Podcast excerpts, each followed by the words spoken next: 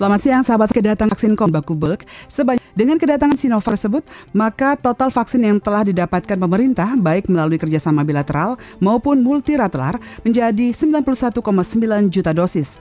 Juru dari Kementerian Kesehatan Siti Nadia Tarmizi menyampaikan Sepanjang Mei kemarin, Indonesia telah menerima tiga kali kedatangan vaksin, di antaranya dari Sinovac sebanyak dua kali dan AstraZeneca sebanyak satu kali.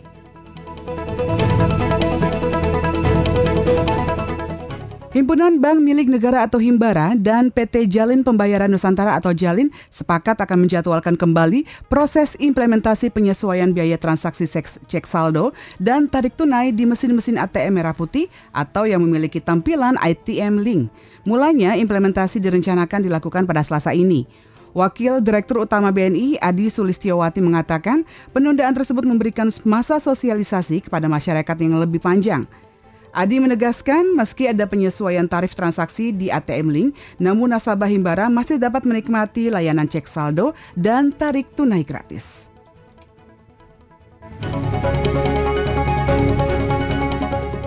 Kita ke informasi mancanegara. Pemerintah Afrika Selatan kembali menerapkan penguncian wilayah atau lockdown akibat lonjakan kasus infeksi COVID-19.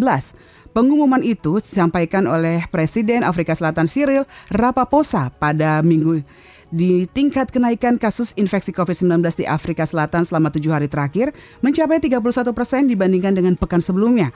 Sedangkan jika dibandingkan pada dua pekan sebelumnya, lonjakan itu mencapai 66 persen.